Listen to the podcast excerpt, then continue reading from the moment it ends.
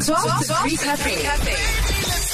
Sikupha uthando, ulwazi, ubumnandi. Nosaziwayo bakho obathandayo. Siyalo Beyonce. Kwini lunch time yakho ehamba phambili. 12 to 3 Cafe. Ukhozi FM.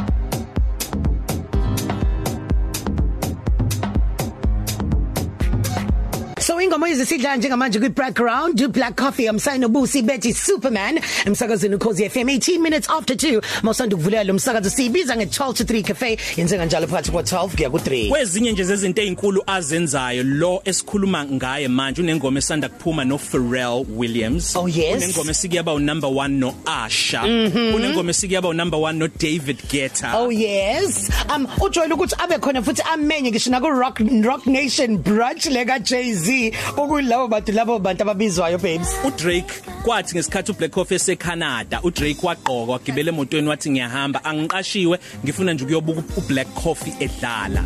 Ma. Ubizwa minyaka yonke kule party eba undabuze kwayo. Emema bonke onontanda kubuka basemhlabeni eh kulomkhakha wekaqeda isizungu uP Diddy uPuff Daddy. Lalela mntaka makho ni record akalisetha futhi uyena kuphela uDJ emhlabeni owenza lokho la wadlala khona for 60 hours non-stop. Guys niya ni understand ukuthi sikhuluma noba njengamanje? Friend friend friend ni number yakhe la. Ngicabanga ukuthi ngiyisave ngingayisaveli ukuthi ngizomfonela noma ngizothini? Ibe khona nje khona uma eshintsha status nami ngizozizwa sengathi ngisondelene naye.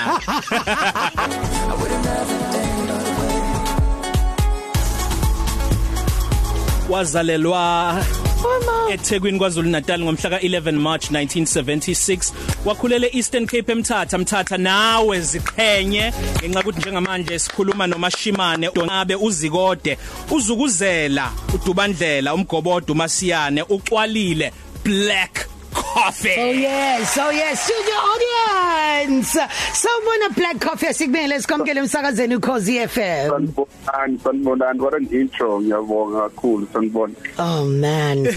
yabona my time is money. Ngicabanga ukuthi Yeah. kubantu abanjengathi kumele sisuke siqonde kakhulu njengalokho ngoba isikhathi sakho nesikhathi sakho cabanga. Emveni kokuqasha i private jet akho msakazo ongaloku umlinda nje lokho ekulindisile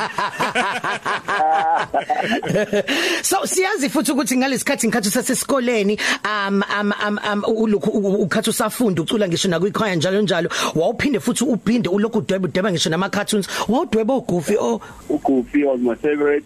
Ngangidweba uDonald Duck ngangidweba uMini Maxi ngangidweba uPluto.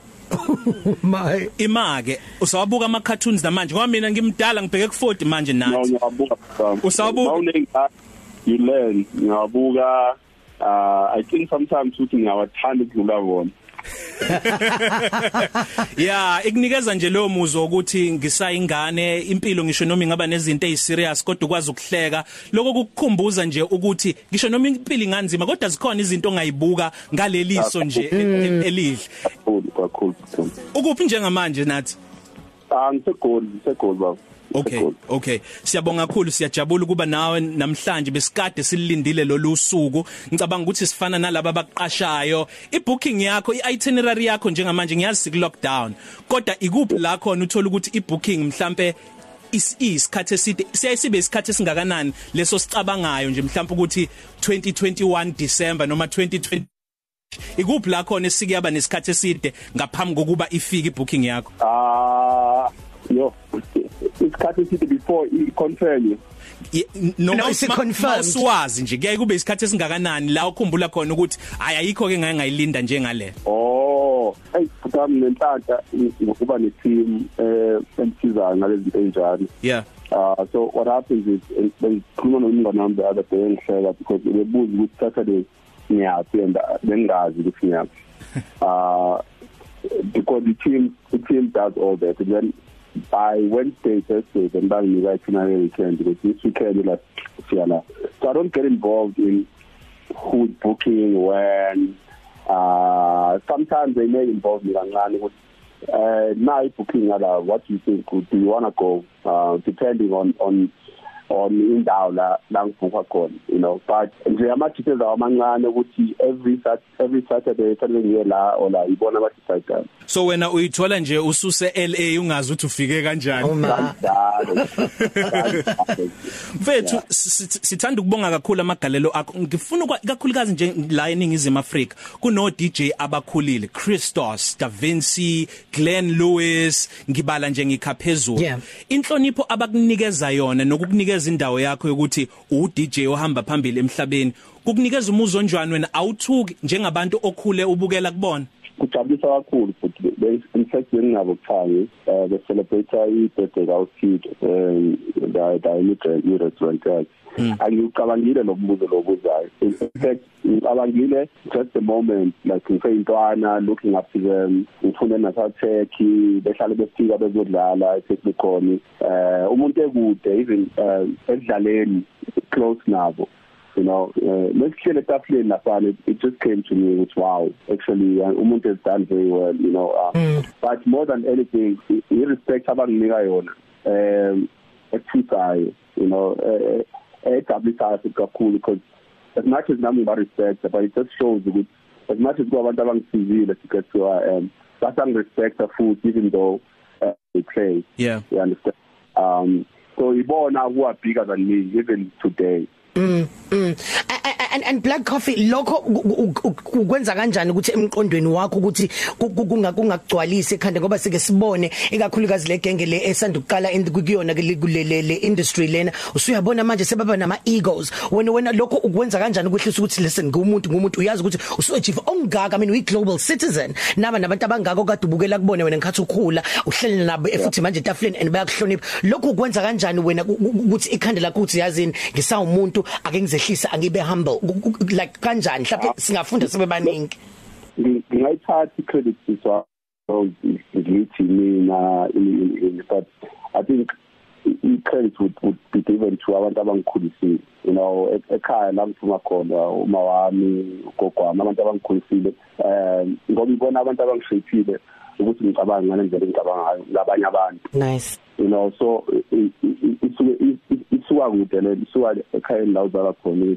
Makukhulunywa ngabanye abantu phambi kwakho kuthiwani? Hayi even makukhulunywa ngabo kuthiwani ngabanye abantu. And i think ngifike leyo nto leyo ukhulele ekhayeni la abanye abantu bayarespect kakhulu. So i had no choice nami ngikhula even ngilulekwa even ngi-wrong sometimes. Um abone kunona ukuthi umuntu uyahlonishwa. It doesn't matter ukuthi umdala kunayo umdala kunawe or unemali kunawe or unemali kunayo Yeah. or you know you have achieved more they have achieved more. Umuntu nje kufanele bonke abantu babeke endaweni efanayo. So Asikhulumi- i-credit ngayinika abantu abangikhulisile kahle. Asikhuluma iqiniso kodwa nathi em uma unikezwa udumo ang- angikusho lokho ngoba ngithi isimilo sakhe indlela eyiyona kodwa kukhona lapha nje 1 out of 100 la ukuyithole khona usuthi do you know who i am? Mhlawumbe umuntu mengakunikeza lempatho I know hayi mhlawumbe ukuthi uthi do you know who i am? Kodwa la mhlawumbe uyithole usubuyele ekhaya wathi yazi lapha ya.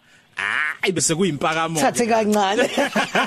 No i think uyawuthatha nje elo wakho futhi wami qhubeke you Yeah. know like bengaba futhi nomunye umngane wami size lapha ethe eh besike hayibo Nan- bese Thekwini on Tuesday um for ishow lengane le Floating Spark yeah. Lo sithe airport asixaka xakazise nje. Yabona eh uqazise mina but nga kamabom futhi hayi ngoba engaboni ukuthi ubani. yabo ngayitholela sadlula yabona. So i asho ukuthi hayi inzima lento yakho. You know so I was explaining to him ukuthi akusizi nokuthi ngizidefende kube into ende you know. Fanele nje umuntu umnike indawo yakhe uthatha uelo wakho udlule. Yeah ngiyazi ngoba Yeah. futhi into abantu baneyinkinga zabo. Yeah. you know? Onke sinkinga zethu mhlawumbe umuntu uze emsebenzini nje uqayekile eh yabona. So I've learned all these things when I'm in a public space makunento e- engahambi kahle. It will take me like 5 seconds ukuthi ngihambe or it will take me more mengizohlala abane siphikisane kunyuka amazwi you know. So I always just walk away. Yeah, ngiyazi ukuthi unosazi wabaningi bezemidlalo njengo Hamilton obaziyo nezinamba enikhuluma noma yinini. Sibheke kwezemidlalo njengamanje noSiphangi ufuna ukwazi ebholeni la eningizimu Afrika usupportani phesheya usupportani. ngisaba nokusho ukuthi Eh sure. yo sengiyazi hayi sengiyazi manje uyasaba ukuthi ngiyazi I hope I hope utshela umngane wami ulalele ngoba ixakekile naye Phesheya. hayi kunzima kodwa hayi ngizosho ngoba I'm a loyal fan support amakhosi. Ala ala right now. Hayi support amakhosi we going through a patch right now but it's okay kuzoba right. Ayenzeka guys. Yeah i think angiyeni umuntu osokha kakhulu um namakhosi ngasupport ngoba ngikhule ekhaya makudlala ibhola ngeweekend sonke sihlale sabafana sibuke. so I've never really followed soccer to an international uh uh level even mm. even uh manghambile you know I've only went I won la buku match dali Barcelona e Barcelona mm. once and sometimes when I'm there nokudlala amagame amakhulu but it's not really my thing Yeah, yeah. only makudlala Kaizer Chiefs especially madlala le team benge ngiyibiza ngegama yeah no yeah shem aba aba deserve ukuthi sibabize ngegama vele so no ah no La siya kwezemidlalo sobuya sixoxa noNathi uBlack Coffee. utrack number 4 kwialbum kaBlack Coffee ezayo kusaphume nje ingoma ezimbalwa eyokuqala yaphuma ile single ehambisana noSabrina Claudia ethi subconsciously lengoma khona uRy X ithi I'm falling ngasitshela nje nathi ngale album singalindelani kuyona Um, hey, hey, hey, hey. The album then, I think, me at a space where umuntu dale hamba, like being exposed to different kinds of music. Mm. And so there's music that I love, me, as, as know, like that I listen to. yeah That I've always wanted to make from the album one. I couldn't before, you know, which why there's a song like the one with Sabrina Claudio. Oh. It's why kuno kunengoma no no Pharrell which is quite slow because in, in my odd time like during the week ngiyalalela music got different. I don't always listen to the house music you know. So the album there represents all my sides as umuntu nje what I listen to. Mm. Nice. Um mawususu uhambile ke Black Coffee go LA you go Ibiza ulapha nalapha yana Vancouver you know Sydney. bafike bethini nge South Africa yini? Bathini nje nge South Africa? Look I, I I haven't been to indawo eyodwa where there's negative talks about South Africa. Whoa. South Africa is, is known all over the world and it's one of the most beautiful countries and that's the first thing I hear mangifika endaweni. You know, even abantu abangangazi ukuthi ngisuka and we have a conversation and I say look from South Africa. South Africa is, is one of the most respected places uh, around the world and it's one of the most beautiful places even though I I I don't think now I'm included I don't think we we realize that yeah. How beautiful our country is you know which is why I'm still here. And umuntu would assume ukuthi njengoba uhambe kangaka ubuyelana you know we have the most beautiful country in the world. Uyazibona uzibuke njengomuntu oyileli igama le global citizen nomuntu oliphethe iflag laseningizimu Afrika. Into oyibonayo ingcaba responsibility oyaziyo leyo ukuthi khona nokuthi kumele uyiphathise kwezikhali zamantonga. Kakhulu um mostly because it, it, what I'm exporting and what I'm exporting in a culture you know uh I even caught up in in things makufanele ngipost you know mangiposta even sometimes I'm here in the country kunento negative that is happening mm. you know I always think I can't post lento le because I'm exposing the country um to my followers from different countries mm. you know so uh, angifihle amabili wethu you know angafihle angabonakali because I know ukuthi somehow in South Africa bayibuka through my Instagram or my post you know. So it's a responsibility that I didn't ask for but I know for sure that it's there and I have to ukuthi ngihloniphe. Okay njengamanje nathi sinento siyaye siyenze la mhlambe ukuthi umbuzo wethu ungazwakali sengazuthi ukhona into ofuna ukuyikhipha. Yeah. Sifuna ukuthi kube ukuthi nje ama connotations akho okuqala masisho leli gama noma lento noma lendawo ebese uyaphendula wena uchitheke nje ngangalendlela ongathanda ukuphendula ngayo. Okay so sine list yezinto la esingathanda ukuthi eh esithi masizisho ama connotations izinto zokuqala ezikufikelayo. Um nansi ke yokuqala. Solistic Music/Agency. Yo. Uh that's my home you know uh it, it's a brainchild for me. Indawo la I've always had a dream to help develop artists as, as a South Africa uh not just in music but in different spheres. Uh like we agencies nabantu abahlukene who are in fashion abanye photographers nice. uh, abanye are, are, are in sports um abanye are singers abanye are DJs so it's solicit music and the agency is is my is my home Yeah, yeah, amanye lawo magama Trevor Steerman, uQ Destruction Boys no Ricky Rick. ngicane ngisayina namtuyo yazini mara yo a All right, number 2, Twitter. Twitter Yebo. Twitter is entertainment. You know, uh, it has actually taken me isikhathi to realize ukuthi uh, abantu are there for entertainment. Um, I, I, they are not there to hear uh, iqiniso or or serious or real views. That's why if you, the more sense you talk on Twitter, the more boring you are. So they would rather they would rather listen or believe someone who's talking nonsense. Wait, you know uh it's so entertainment and entertainment is about fun and jokes and so I don't take it seriously anymore and I used to uh and then I realized you know la kuyadlalwa so uthi kuyadlalwa it's a, it's a it's a playground kodwa ukudlala okukusebenzelayo.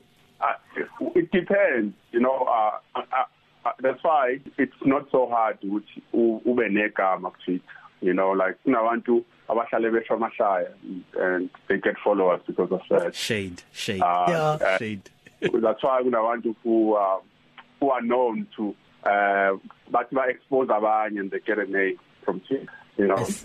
more than abantu who are really talented you know who are really doing good. You know when i post about my foundation stuff let's say i we are donating things or we are looking for help to donate you get few retweets and few likes. But if there's anything else negative around my mm. name you get full attention. It shows you that abantu are not there for serious things. Yeah. you know even if i post ukuthi guys kunemsebenzi ezelile uh phone this number. People don't care. You know uh, but if i can post about beating with someone else and and how we're going to fight and then you get you get traction so Twitter is a is a is a place for entertainment ya ngicabanga ukuthi ne social media nje kukonke uma sokuhlanganisa okay siyaqhubeka nomdlalo wethu igama lethu lesithathu enhle mbali imlotshwa Uh, that's the mother of my kids. You know, um, we've shared a, a beautiful life together. You know, and we are now currently schooling and Billy, who are very beautiful and respectful. Yeah, that's it.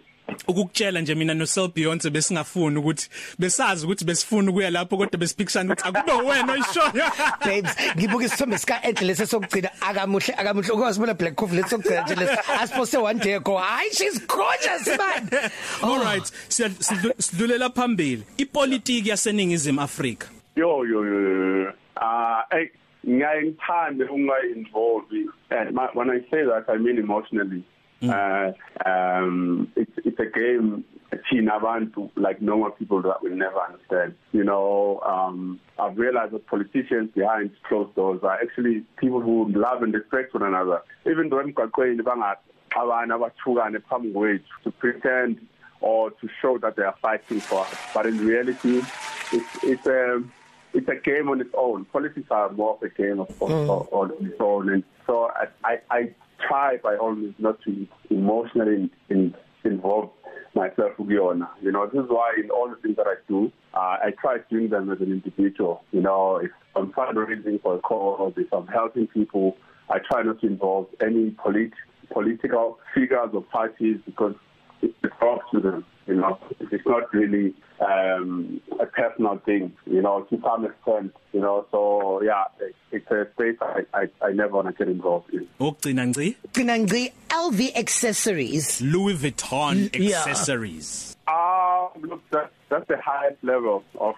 of um, the most premium of, of brands, and I love the story Sabo. You know how they started, and um, I just I get so jealous when I see such things become so global, and look back home and look at the talents that we have, um, talents that are still coming. You know that could be on that level, but because with it is Lana with no opportunities. You know, we still need to have, work very hard, you know, to get there. But for me, it's uh, such an inspirational brand, you know. And if you're not watching uh, carefully, it's a brand that can also inspire you to be better, you know, to, from not being able to afford it to aspiring to afford it, then to affording it. Meaning, Yeah. it, it, it inspires you to be better. It inspires you to work harder. I can't wait for us to have like I'm a friend locally that will do as well and, and even better. And I have no doubt that we will have those. And it's something, by the way, that I'm working on. abantu abafana noBhathu ngicabanga ukuthi ubashayela izandla uyabagqugquzela ukuthi bafike kulelo zinga Abafana nobani? uBhathu uyabona la- lama sneakers Oh, lawo Yes, but- Yes. Cool, cool. Cool. I've, I've had an opportunity actually uh, to become an investor in their in their brand, and uh, it's still something I'm look I'm looking into into getting involved in. Oh man nathi siyacela mawubuya eThekwini sicela ukuba istop sokuqala ozodlula kusona i12 to 3 cafe emsazweni ukhozi FM ngoba kuningi besasangathanda ukuxoxa ngakho nawe kodwa ave sithokozele lenkulumo eh sikufisela okuhle kodwa siphuma ngengoma yakhe ethi subconsciously Oh, kayinesibini Claudia. Thank you guys. Ngiyabonga ngibonga nokungihlonipha nje guys. Thank you. siyabonga kakhulu nathi maphumulo Thank you. 12 to 3 Cafe. Sikupha uthando, ulwazi, ubumnandi. Nosaziwayo bakho obathandayo.